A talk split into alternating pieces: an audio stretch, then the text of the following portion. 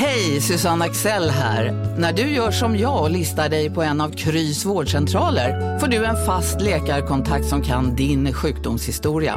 Du får träffa erfarna specialister, tillgång till lättakuten och så kan du chatta med vårdpersonalen. Så gör ditt viktigaste val idag, listar dig hos Kry. Podplay. Då tar vi hälsar er välkomna till ännu en torsdagspodd av Sanny och Svensson. Det känns som det går ett här nu, eller hur? Ja, det händer ju så våldsamt mycket hela tiden så att jag känner nästan att två poddar är för lite. ja, det känns nästan så. Vi har i alla fall kommit fram till nummer 67 i podden. Vad tänker du då? Den första som jag kommer på är Linus Omark, trollkaren. Han har bjudit på så mycket hockeygodis genom åren. Konstantin Komarek har ju också gjort det, men inte, inte på samma sätt som Linus Omark. Francis Perron i Björklöven. Kristoffer Törngren i HV71. Pontus Widerström, tvåmålsskytt igår när Färjestad åkte ut mot Växjö. Thomas Aborski, Rickard Rakell, Simon Gusbert, jag säger det, Gusbert, det, det, låter, det låter ju bättre. Han, han, var ju, han var i Djurgården där ett tag.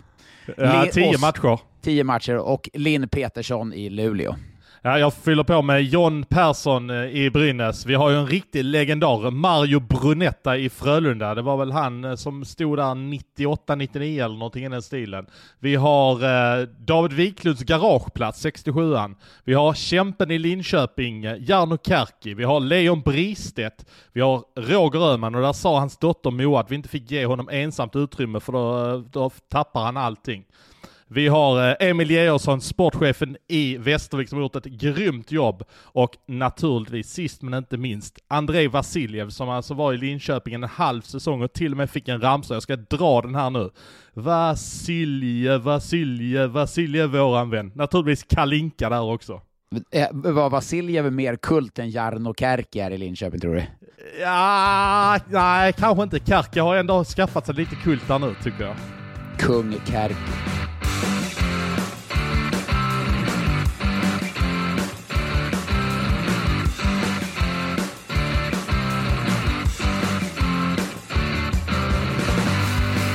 Det är fullt rimligt att vi går rakt på sak för det som har inträffat mellan Frölunda och Rögle, där alltså Rögle fullständigt kör över Frölunda med 4-0 i matcher. Och det är inte de små siffrorna i varje enskild match heller.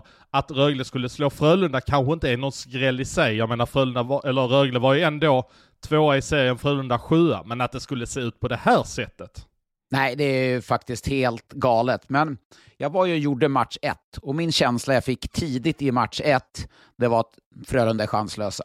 Det var, eh, jag var inne på det i förra podden. Alltså, kamp, kampmomentet på isen, eh, för, eh, chanslösa. Passningsspel, passningsmottagningarna, tempo, det kreativa spelet. Nej, det kändes som Ja, det kändes som en Formel 1-bil mot en Fiat om jag ska vara helt ärlig. Men hur har det kunnat bli så med Frölunda? För jag menar, för två år sedan var det ju Frölunda som körde Formel 1-bilar med hela slutspelet.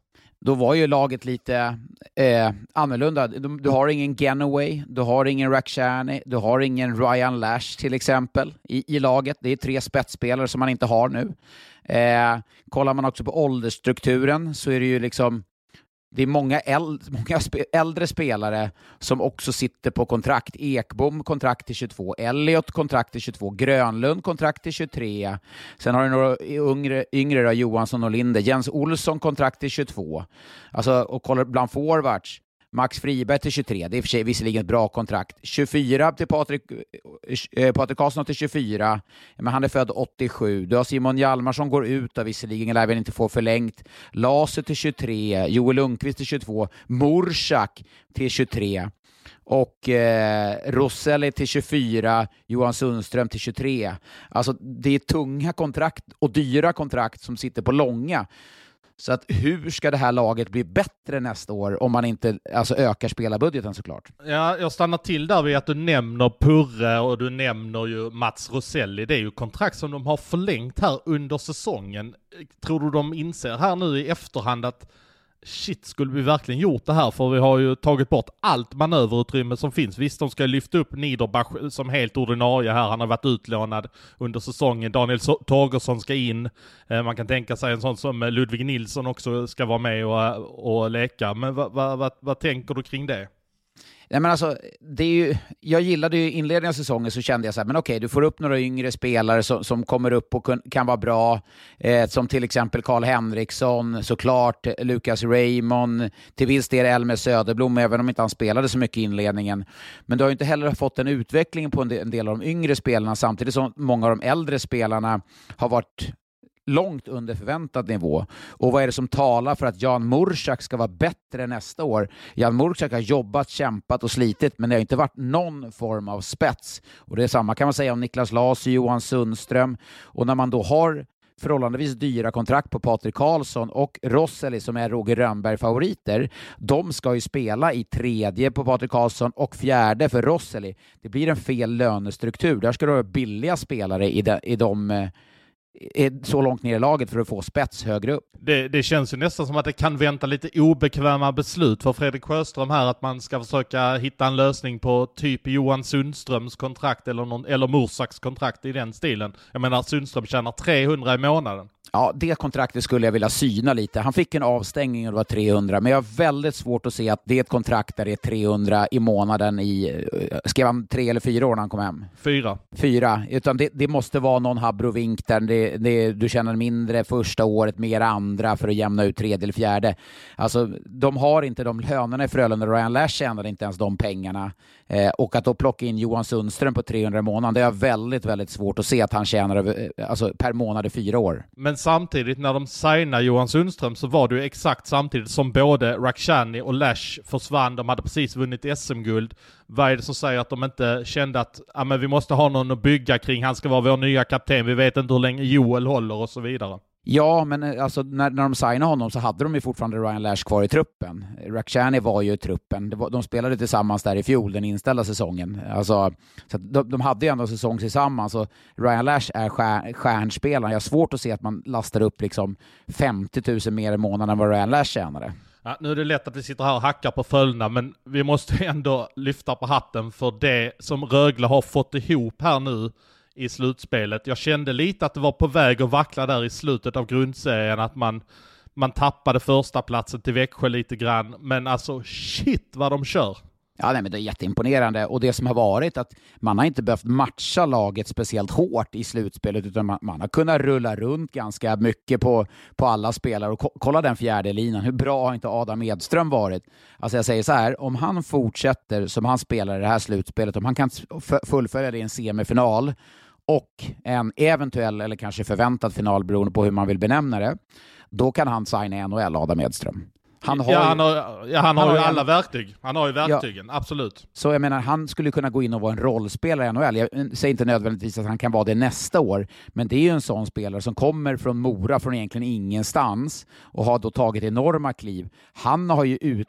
Alltså, tänk då han är fjärde kedjan i eh, Rögle. Vad kan han, vad kan han ligga på i lön?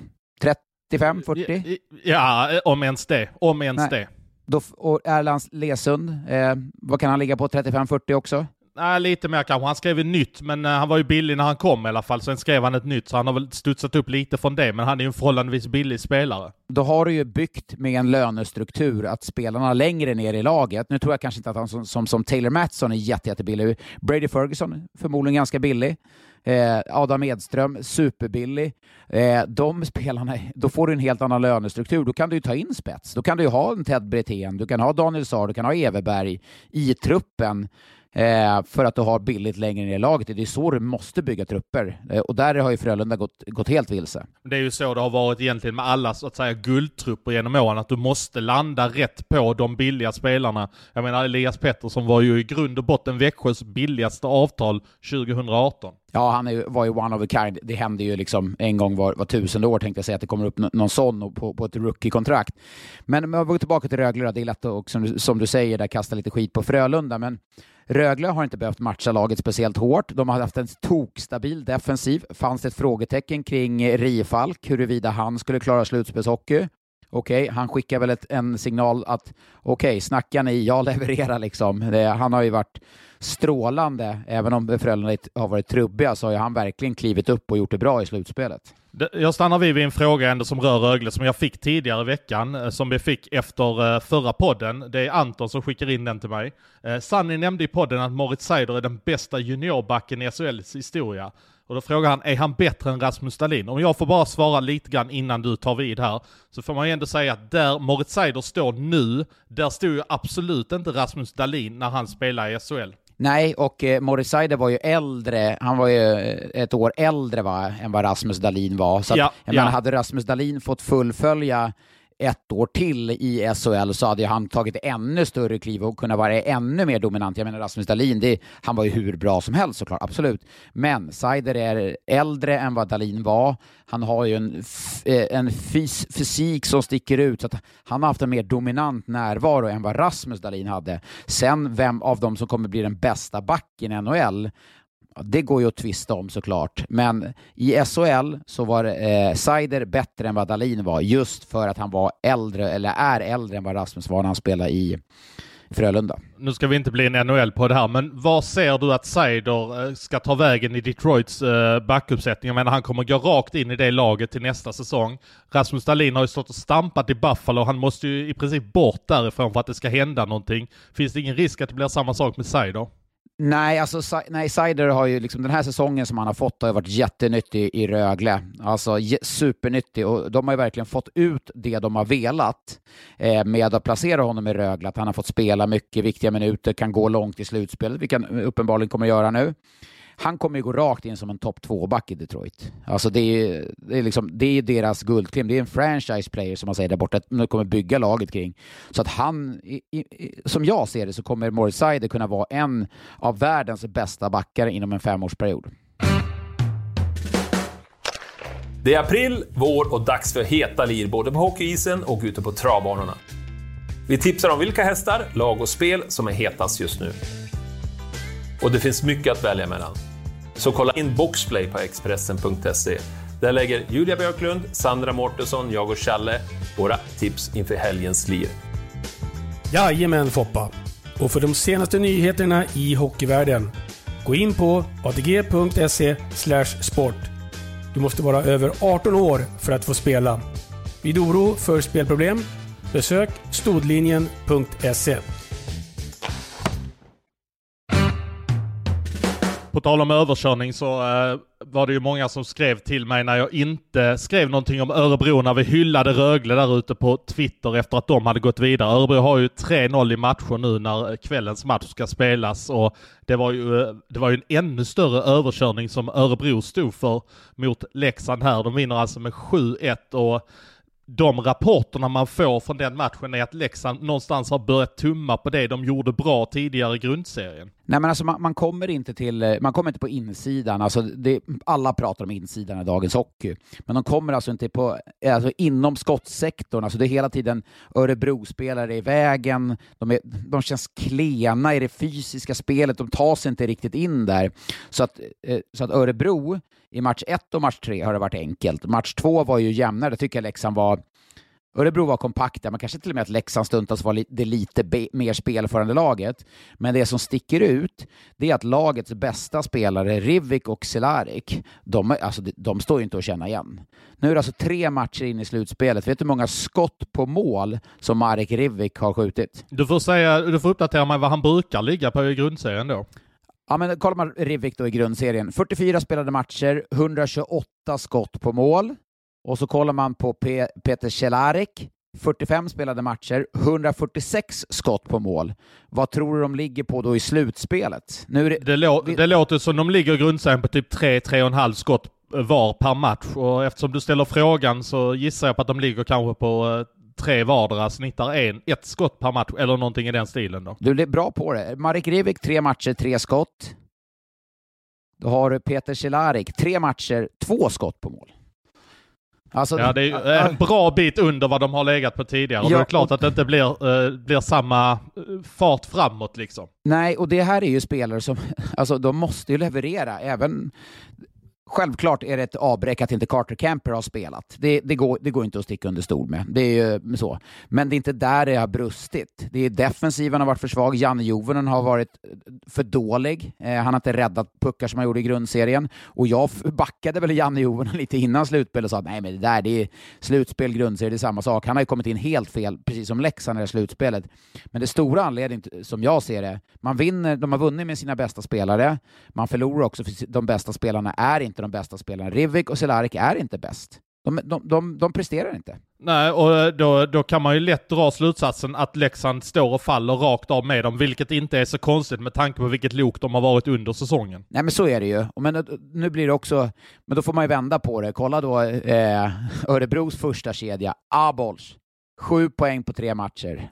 Rendulic, fem poäng på tre matcher. Och så har också Robin Kovacs två poäng på tre matcher, men han har ju bidragit väldigt mycket eh, i, i spelet. Men alltså, Robin Salo är bra, Emil Larsson ser ut som en rund miljon, Mastomäki helt plötsligt spelar ju han riktigt bra. Backsidan, Stefan Varg, alltså han är så fysiskt dominant mot Rivik och Cehlárik, de får ju inte ens andas på planen. Eh, så att Örebro, alltså Örebro ser jävligt bra ut. Ja, lite lustigt att du tar upp det här med Stefan Varg, för han har jag sett tidigare. Alltså han har växt när det har vankats kvalspel, när det har vankats slutspel. Alltså han steppar upp en nivå. Han var så jävligt bra då när Malmö gick till två semifinaler. Han har ju någonstans en slutspelsnivå i sig. Ja, men kolla backuppsättning. Robin Salo, han är ju han är bra. Näckyvi är bra. Sen har du Stefan Varg, tung och jobbig att möta. Ibert, tung och jobbig att möta. Rasmus Rissanen, han flyttar inte på. Gustav Backström, alltså det, det är liksom, det är tyngden de har i backarna där. Sen Jonathan Andersson, han är då sjunde back. Han, han skulle gå in och topp fem i många lag så, på backsidan. Han, han har nu landat in som sjunde back. Så att backsidan ser ju väldigt stark ut. Och det känns ju det, det, känns ju lite tråkigt. Frölunda ute 4-0 i matcher. Färjestad ute 4-0 i matcher. Ska då Leksand ut 4-0 i matcher, då har vi en kvartsfinalserie som lever. Här har man gått och väntat två år på slutspel och det liksom, kvartarna brukar ju vara det roligaste när, liksom, när, när det är så jämnt, det står och väger. Nej, lite besvikelse känner jag kring kvartsfinalen faktiskt. Ja, men det är tur att det finns andra slutspel och eh, matcher där. Men vi stannar vid lite grann vid Leksand tycker jag. För att eh, Marek Rivik som vi då har eh, pratat om tidigare, det har ju varit lite rykte fram och tillbaka om han ska vara kvar i Leksand och eh, Thomas Johansson har varit ganska öppen med att ja, men vi, vi kommer inte kunna behålla honom om det kommer de riktigt feta buden. Och det vi hör nu, jag och Adam Johansson, vi hör att det finns alltså i princip en färdig deal med en KL-klubb nu som ska vara, alltså han kommer flytta till KL. Han har fått den ekonom ekonomiska dealen han vill åt. Han har kommit till en bra klubb, inte någon av så att säga skitklubbarna, om man nu får kalla det så. Utan där ska ha landat in någonting. Jag, kan, jag vet inte vilken KL-klubb det är, men han ska vara klar någonstans och eh, vad säger du om det? Ja, alltså det går ju lätt att säga så här, ja men det är därför han inte presterar i slutspelet. Ditt ja men det är det ju inte. Ja, men det Nej, är det ju inte. den vill jag bara slå bort en gång för alla liksom. Att, jag menar att Marek Rivik skulle lämna Leksand för KL eller Schweiz, det går inte att matcha lönerna, även om jag är inne på att ge han 500 000 i månaden. Nu har han visserligen inte varit så bra i slutspelet, men det är ändå en topp, topp, toppspelare. Han fick guldhjälmen utsett till bästa spelaren. Så att, eh, men när, när ryska klubbar och de rätta i så fall ryska klubbarna, alltså topplagen där du har de bästa eh, NHL-faciliteter, du har NHL-organisationer mer eller mindre, då är det klart när lönen är därefter, då, då går det inte att tacka nej. Då, det är få som tackar nej då. Ja, alltså det är ju inte ens, eh, alltså inte ens 500 000 i månaden i Leksand eller 500 000 US-dollar netto på en säsong i Leksand matchar ens de pengarna det handlar om. Utan det är ett par hundratusen dollar till vi pratar hos de riktigt feta eh, KL-klubbarna. Ja, och då kan, man, då kan man förstå att han lämnar. Sen, jag vill inte hoppa på det där bara för att förtydliga det, att ja, därför presterar han inte. Det är så jäkla lätt att dra den. Jag har spelat med spelare i lag som har varit klar för andra klubbar. Eh, men att det, är, det, är inga, det, är, det är ingen issue att, att spelare är klar för andra klubbar. Man, man vill vinna med det laget man spelar med. Liksom. Det, jag har aldrig sett det som något no problem. Ja, men det är inte så, så att Örebro-fansen känner nu att ja, men Jonas Rask ska till Luleå nästa år. Han har ju spelat ju hur uppoffrande och bra som helst. Spelar liksom nästan 20 minuter per match och hur bra som helst. Så att man presterar där man är oavsett vad man ska spela nästa år. Ja, men en sån som Robin Salo vet ju om att han ska åka över till Nordamerika till exempel. Robin Kovacs äh, finns det också i pipen, både KHL och NHL. Det, och de presterar ju hur bra som helst nu, så att det är klart att det där är rent nonsens. Så är det ju. Och den, eh, om vi går till eh, den eh, andra kvartsfinalen som också är avgjord lik eh, Frölundas där, Frölunda-Rögle, så är det ju Växjö-Färjestad. Jag satt ju och kommenterade den. Ma när går gränsen för vara en maratonmatch? Det där var ingen maratonmatch va? Nej, det, du ska väl ändå in någonstans i sjätte perioden så vi börjar nudda vid i alla fall två hela hockeymatcher kan jag tycka. Nej, precis. Nej, det är sant. Eh, men då... Tråkigt att Färjestad åker, inte för att jag egentligen bryr mig huruvida Färjestad spelar vidare, men jag hade ju velat att det skulle ändå vara en ytterligare en kvartsfinal som lever. Även om det hade någonstans varit konstgjord andning, hade Färjestad vunnit igår så hade man åkt ner till Växjö på fredag och kanske fått eh, torsk där. Men eh, tråkigt som jag var inne på att, att det är så tidigt avgjort i många kvartsfinalserier. Tråkigt säger du. Om jag läser en tweet från Växjös tidigare VD Anders Öhman så skriver han så här. Är det bara jag som är enögd inom parentes, så uppfattar Sunny som bara FBK i sin roll som expertkommentator. Oj, ja den var, den var hård. ja. ja, men det här stöter man ju alltid på, herregud. Jag spelade i Färjestad för 8-9 år sedan. Jag gjorde eh, några säsonger där, superstolt över min tid i klubben. Men jag berättar ju vad som händer på isen och om supportrar tycker att, jag in, alltså att inte jag förmedlar rätt bild, då kanske inte vi delar samma bild. Jag kanske har min bild av en match. Och så här blir det ju alltid när man kommenterar. Och jag får ju, nu när, när Färjestad åkte ut, då får jag eh, tweets och meddelande skickat. Inga arga mejl dock. Fasiken, inga arga mejl. Men tweets och eh, direktmeddelande på, um, på Facebook där jag pissar på Färjestad för att jag, det var den enda klubb jag nådde framgång i. Hur kan jag, hur kan jag sitta och snacka skit? Varför berömmer jag dem aldrig? Så jag, jag får stöta nästan på mer av den delen när jag kommenterar Färjestad. Att jag inte pratar positivt om Färjestad, jag aldrig pratar det. Men i eh, matchen i tisdags när lagen spelade, då var ju Växjö så överlägsna. Då finns det ju ingen Växjö-supporter som sitter och säger att jag håller på Färjestad, för då berömmer jag ju bara Växjö. Men i en match när det är ganska jämnt i åtminstone tre perioder, då måste jag ju berömma Färjestad och säga vad de gör bra. Och då kanske sticker i ögonen på en del folk. Så att, äh, det där, när supportrar, jag har respekt för det känns. Vi är specialister på det vi gör, precis som du. Därför försäkrar vi på Swedea bara småföretag, som ditt. För oss är små företag alltid större än stora och vår företagsförsäkring anpassar sig helt efter firmans förutsättningar. Gå in på swedea.se företag och jämför själv. Hej, Synoptik här. Hos oss får du hjälp med att ta hand om din ögonhälsa. Med vår synundersökning kan vi upptäcka både synförändringar och tecken på vanliga ögonsjukdomar. Boka tid på synoptik.se.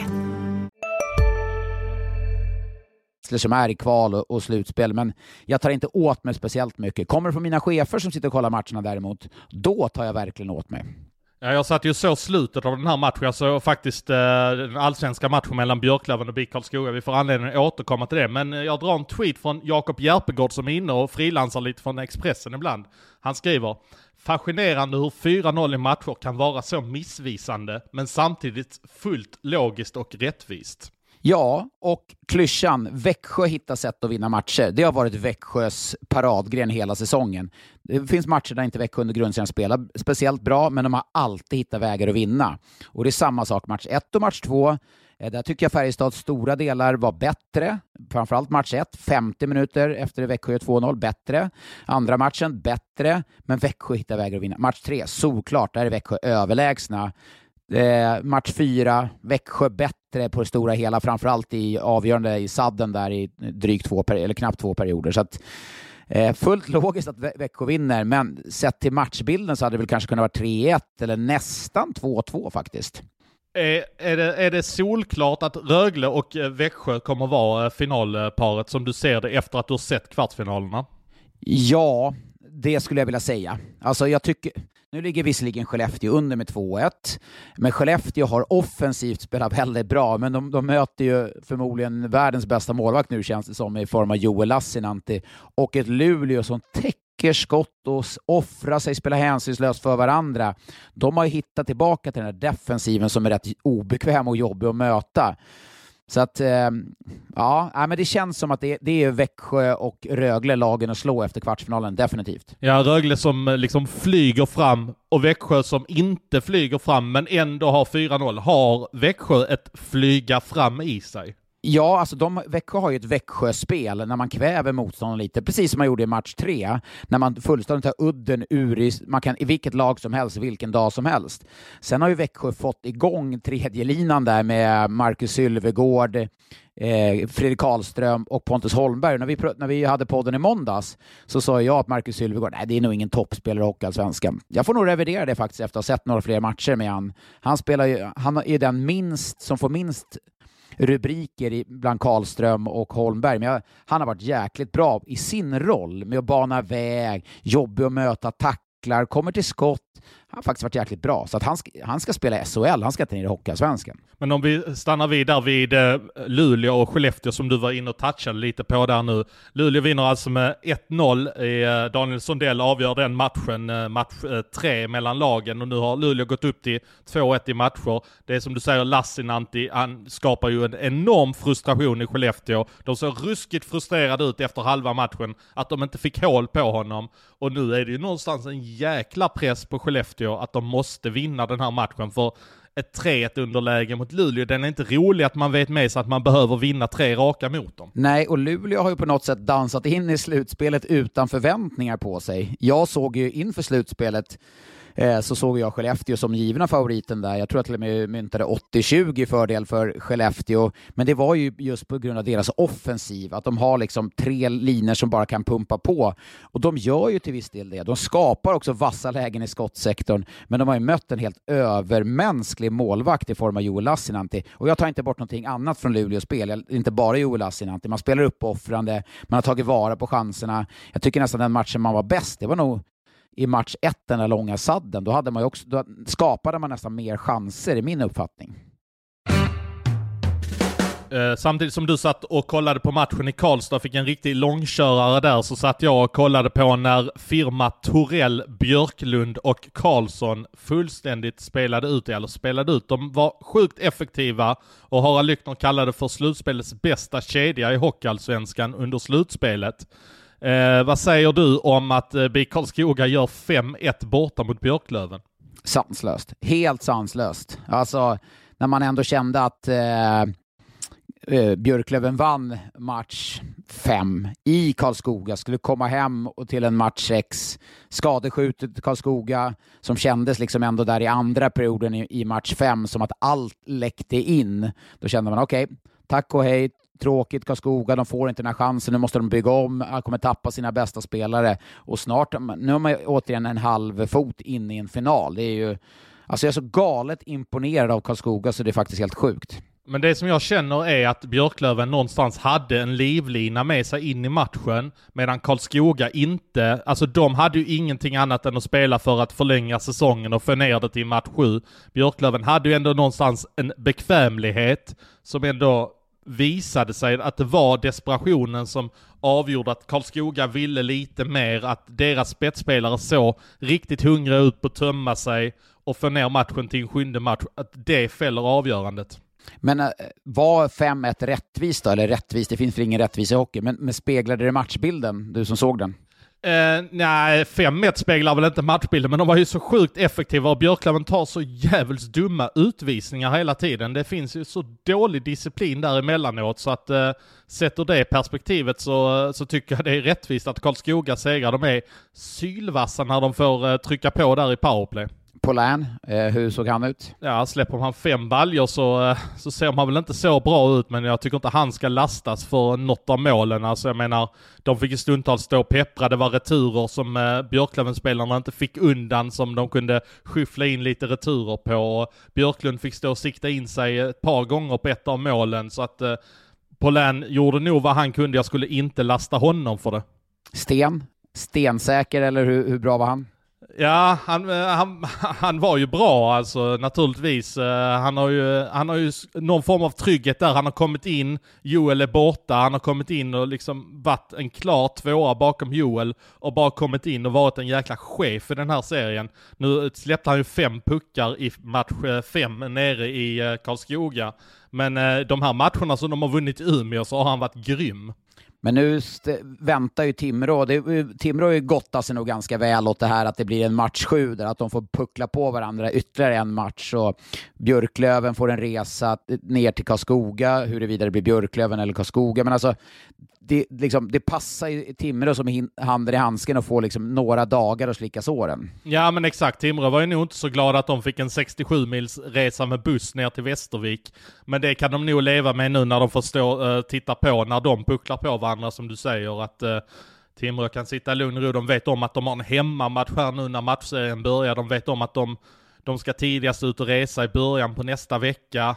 Det, det känns som att det är, som sagt, att de sitter och myser åt detta nu. Men eh, Västervik, vi kommer att prata massvis om Timrå såklart, men Västervik, hur, hur, eh, alltså går det ens att beskriva hur jävla imponerad man är av dem? Nej, alltså, eh, och det är ju inte första säsongen som de gör under med, med det de har att jobba med, att den spelarbudgeten de sitter på, jag skulle bedöma att det är en 35% av det som toppklubbarna sitter på i Hockeyallsvenskan och bara för att dra en jämförelse så är det ju som att säga att eh, den bästa klubben i SHL sitter på 50 miljoner. Det är som att eh, eh, den som är sämst då sitter på typ 17,5 miljon i SHL, vilket inte alls ska gå att mäta sig med. Eh, Oskarshamn som då är sist sitter på 36 miljoner. Eh, så då ger det ändå lite perspektiv om det Västervik håller på med. Ja, jätte, jätteimponerande och som vi var inne på i förra podden, intressant att se om de kan locka spelare. Så de måste ju nästan gå lite på så skadat gods som kan ta, studsa tillbaka och yngre spelare som vill komma dit för att ta nästa steg. Så det blir ju nej, jäkligt intressant. Jag, jag, jag, bara tar ett namn på uppstuds, jag har inget belägg för det överhuvudtaget, men en spelare som där finns väldigt mycket kvalitet i, som inte fick nytt kontrakt i Modo, är Tobias Åström, som jag tror har en 15-20 mål i sig. Det där är en typisk spelare som skulle kunna blomma någon annanstans, och Västervik har plockat eh, tidigare Modospelare först, för, så varför inte en sån som Tobbe Åström? Då slår vi fast Åström till Västervik då. Men om vi stannar upp lite vid Timrå. Nu är det ju en matchserie kvar innan man eh, kan titulera sig eh, eventuellt att vara en SHL-klubb och det kommer bli tufft oavsett om det blir Björklöven eller Karlskoga. Men lek med tanken att de skulle gå upp. Anton Lander sitter ju med hus i Sundsvall och känns ju som att han skulle ju kunna komma hem till Timrå om de tog steget upp. Gör de inte det så skulle han kunna nog få en, något fint år i Schweiz eller kanske någon annan KL-klubb. Men tror du inte en sån som Magnus Peje Järvi, de är polare. Peijärvi kom ju upp i Timrå. Skulle inte det vara liksom en duo och bygga kring som man skulle, nubben skulle kunna locka till Timrå. Ja, nu kommer alla Malmö-fans säga nej men Magnus ska spela i Malmö om han ska spela i Sverige. Men jag tror inte det är helt givet att han ska göra det för att Magnus Pääjärvi har ett väldigt gott öga till Timrå. Han, det var ju de som tog honom vidare där upp på den. Han de, äh, debuterade rekordtid. Han var väl typ 16 år bara när Nej, han debuterade. Han var, ja, typ, knappt, knappt det. Jag kommer ihåg han eh, var ju med när jag var där och vi, man hade hört om de här att det var, fanns två, två i, eh, de är född 90 eller 91 va? 90, 91. 91. 91. Man, man hörde då när man var uppe, det är två 91, Lander och Peijärvi. Ja, helt plötsligt kom de upp på en träning och det var helt sjukt. Det bara small i bladen när Pejar, vilken fart. Han låg ju före Anton Lander då, sett till sin fysiska utveckling och så. Anton var ju, här, det var ju bara en ledare som kom in, det var ju bara kapten direkt kände man. Och en jäkla pondus och så lite, lite trög i skridskorna var han då, men jäkla bra kille. Och Pejar, han bara flög ju fram, så han spelade ju premiären med Rico Hall och Mika Pyrrel i en kedja på line-upen mot Linköping borta.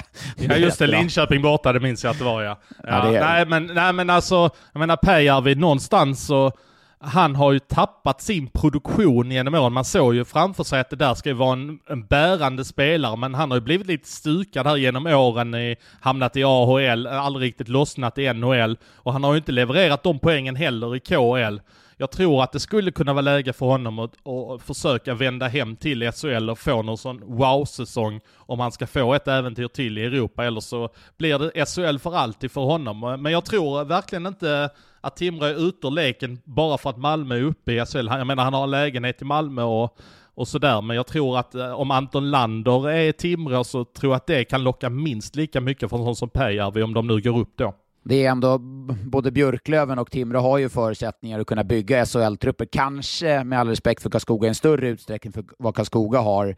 Eh, Timrå i det här fallet, både Lander och Pejer. Vi skulle kunna förstärka Björklöven, du var inne på Bromé tidigare, ändå en, en stad, ett stort intresse. De skulle kunna få en ganska bra snurr på ekonomin där. Så att, nej, spännande, spännande veckor framför oss, Svensson. Men du, om BIK Karlskoga går upp, eh, skulle de inte bara kunna säga vår franchise-spelare, som det heter i NHL, är Victor Ejdsell? Han har ju ändå varit där tidigare. Svin, absolut, det är helt rätt. Helt rätt. Det var, sitter Kalle Persson på kontrakt förresten i, i Malmö? Det borde ju få hem honom. Ja exakt, han sitter ju där med, uh, han spelar väl med Ejdsell den säsongen där de var så jävligt grymma och uh, de uppskattar honom jättemycket, uh, Kalle P. Jag träffade faktiskt Kalle P här för någon, uh, någon dag sedan när jag var och bytade mina däck från vinterdäcken. Fan vad skönt det är att byta från vinterdäck, de här dubbdäcken, och så går man över på sommardäcken. Det blir ju en helt annan bil. Men jag du, träffade jag, alla... Jag är bra på dialekter. Jag kan säga dubbdäck på, på dalmål. Ja men säg dubbdäck på dalmål då. Dubbdäck. Ja, det var riktigt bra. Det, det är det enda jag kan bra. säga. Kudde och dubbdäck.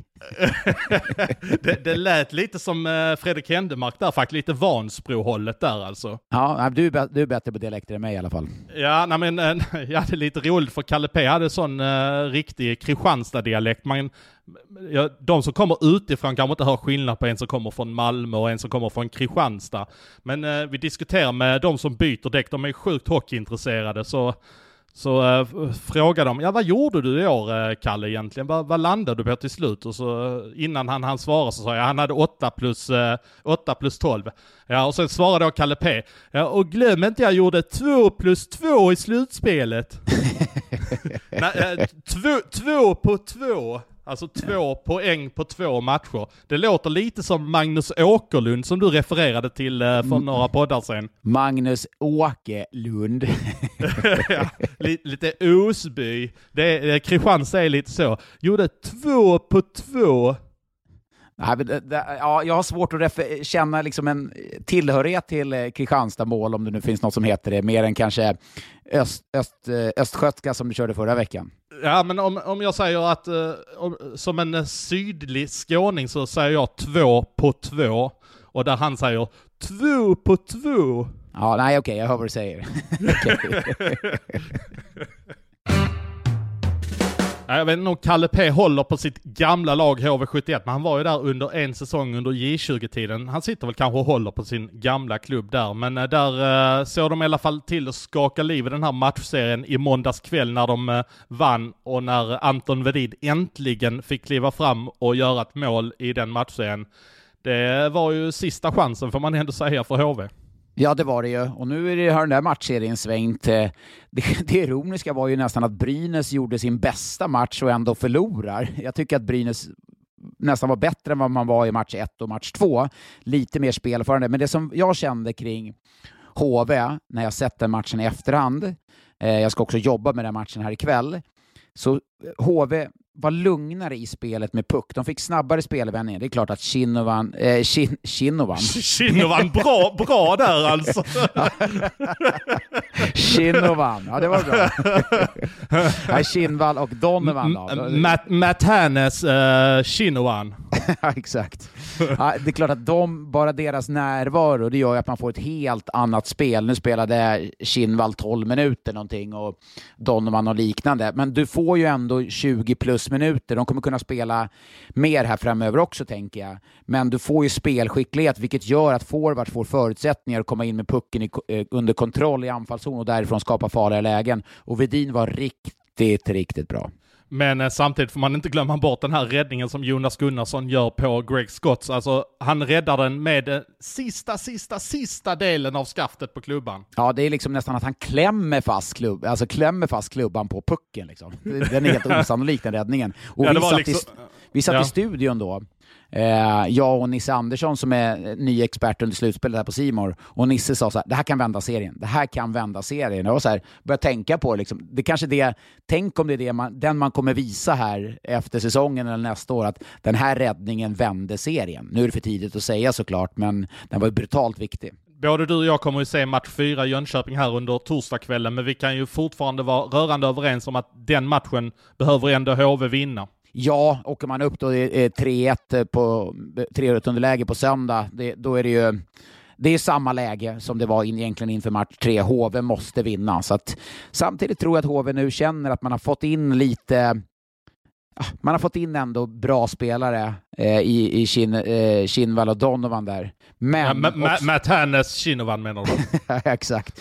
Och ja. eh, jag tycker också han Murray har ändå han har ändå bidragit med lite rutin. Han, jag tycker han spelar lugnare, han är inte lika kladdig med pucken och tar inte en onödig utvisning. Han har säkert blivit uppsträckt rejält efter eh, matchstraffet och han betedde sig i Oskarshamn där strax innan eh, grundserien avslutades. Ja, och sen så behöver de ju inte spela en sån som Daniel Berter behöver inte få den istiden som man behövde lasta på honom tidigare. Nej, då får du ju helt plötsligt spelskicklighet kontra kanske lite mer uppoffrande spel och de har ju uppoffrande eh, typer av backar. De har ju Arell, Emil Johansson och Didrik, så att det är spelskicklighet du behöver. Det har verkligen fått in. Så att, ja, den här match, matchserien är fortsatt såklart vidöppen, men Pressen är på HV ikväll fortsatt. Samtidigt, Patrik Berglund kanske kommer in för Brynäs. Eh, vad skulle det betyda? Han har ju inte spelat på hur länge som helst, eh, varit utanför laget, han har haft covid-19 och nu börjar han träna med laget. Skulle Berglund kunna förändra någonting för Brynäs så som han har spelat under säsongen? Ja, han är ändå hyfsat stark på pucken. Han är trög i bena, eh, men han, är ändå, han har rutin. Han kan göra mål. Liksom, han är ändå, sett över säsongen, Brynäs bästa målskytt. Så det är klart som tusan att han kan bidra offensivt, men han har varit borta så pass länge, så struligt. Ja, svårt att se att han kommer att göra en impact direkt när han kommer in, men vad är det vi säger? En kropp till, Svensson? Ja, så det är så det het, brukar heta, men eh, där har du även Niklas Andersén som skulle kunna spela. Nu har det betytt mycket för HV att få in uh, Kinnvall och Donovan här, men uh, vad skulle en sån som Andersén kunna betyda för Brynäs backuppsättning? Ja, nu har ju också, det är olyckligt att han varit borta. Jag tycker att sista matchen han spelade med Bertilsson och de hade liksom en, en renodlad stänga ner backpar så var de faktiskt duktiga tillsammans. Så det var olyckligt för Andersén att han var skadad och nu blir det tufft att ta sig in i den här matchserien när de ändå har liksom de har ändå varit bra defensivt. Jag tycker Tom Hedberg har gjort sina bästa matcher för säsongen. Det är rätt svårt att ändra på det eh, med tanke på att eh, Andersén har varit borta ett tag också. En fråga också vill lyfta upp. Eh, du värnar ju mycket om våra domare i svensk hockey. Eh, domare. Eh, domare. Ja, Micke Nord och eh, Linus Öhlund då, där framförallt Micke Nord har hamnat i rampljuset en hel del, har gjort två för tidiga avblåsningar. Det var något strul med klockan också häromdagen. Eh, är du inne på att de ska få fortsätta eller är du inne på att det ska ske ett skifte i det där? För nu kommer de till match fyra, så ska det ske ett skifte så är det väl någonstans nu det ska ske? Ja, jag tror inte att de kommer byta. Bytte man inte efter match ett, när det ändå var så pass mycket omdiskuterade situationer, så tror jag tror att de kommer gå hela den här serien. Man anser då från SHLs sida uppenbarligen, eller Torsbrink eller domaransvarig, vilka som nu väljer det där, att det är de två bästa matchledarna. Det är två, de som leder matcherna bäst med kommunikation och så. Jag tror att det är minst lika lika viktig aspekt. Sen är det också två, hur man rankar dem exakt, det är väl lite tyck och smak, men att de är både Nord och Ölen, att de är två av de tre, fyra bästa domarna i Sverige, så är det ju. Så att, men sen tycker jag också, det är en jäkla anspänning på den här matchen. Jag tycker nästan man borde kunna rulla på tre domare. Att, man, att en domare är med i arenan liksom som en stand-in då, som ändå är med runt pulsen kring matcherna, är med i omklädningsrummet i pausen och bygger ett team som man kunnat rulla på tre. För det, det, alltså det är en ständig press på domarna, mer än någonsin i den här matchserien. Vem skulle du säga ligger där uppe och skvalpar i toppen av domarna? Jag skulle säga Tobias Björk, Micke Sjöqvist är där uppe och bland de topp fyra domarna. Ja, och Sören Persson är ju också en sån domare som, som, ska vara där. Eh, Harnebrink kanske inte har den rutinen riktigt, men det är väl de som, som du nämner där, plus Sören Persson. Harnebrink tycker jag är en jävligt bra domare. Jag får ett grymt intryck av honom som person. Just det här du nämner som matchledare känns han väldigt, väldigt bra, Hanebring? Han känns som en riktig stordomare i framtiden faktiskt. Ja, så är det ju. Det är en domare vi kommer sitta och prata om, eh, så tillvida vi pratar om domare, men han kommer kunna landa in en 4-5 guldpipor när han, när han lägger sin domarkarriär på hyllan, för att han är väldigt omtyckt också, som jag har förstått det, av spelarna. Jag tycker vi tar och avrundar där när vi har gått igenom allting vi ska. Det är mycket som händer ute på fältet och på måndag är det dags att podda igen så att det är fullt ös hela tiden här nu. Så uh, tack för att ni lyssnade denna lilla stunden så hörs vi snart igen. Vi hörs igen. Hejdå!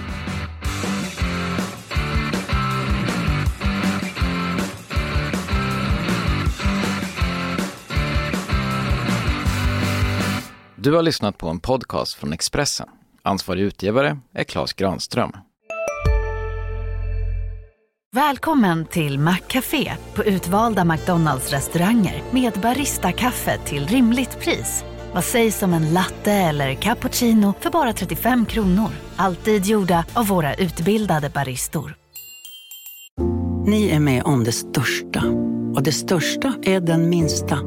Ni minns de första ögonblicken. Och den där blicken gör er starkare. Så starka att ni är ömtåliga.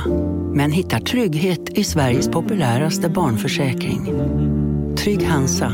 Trygghet för livet.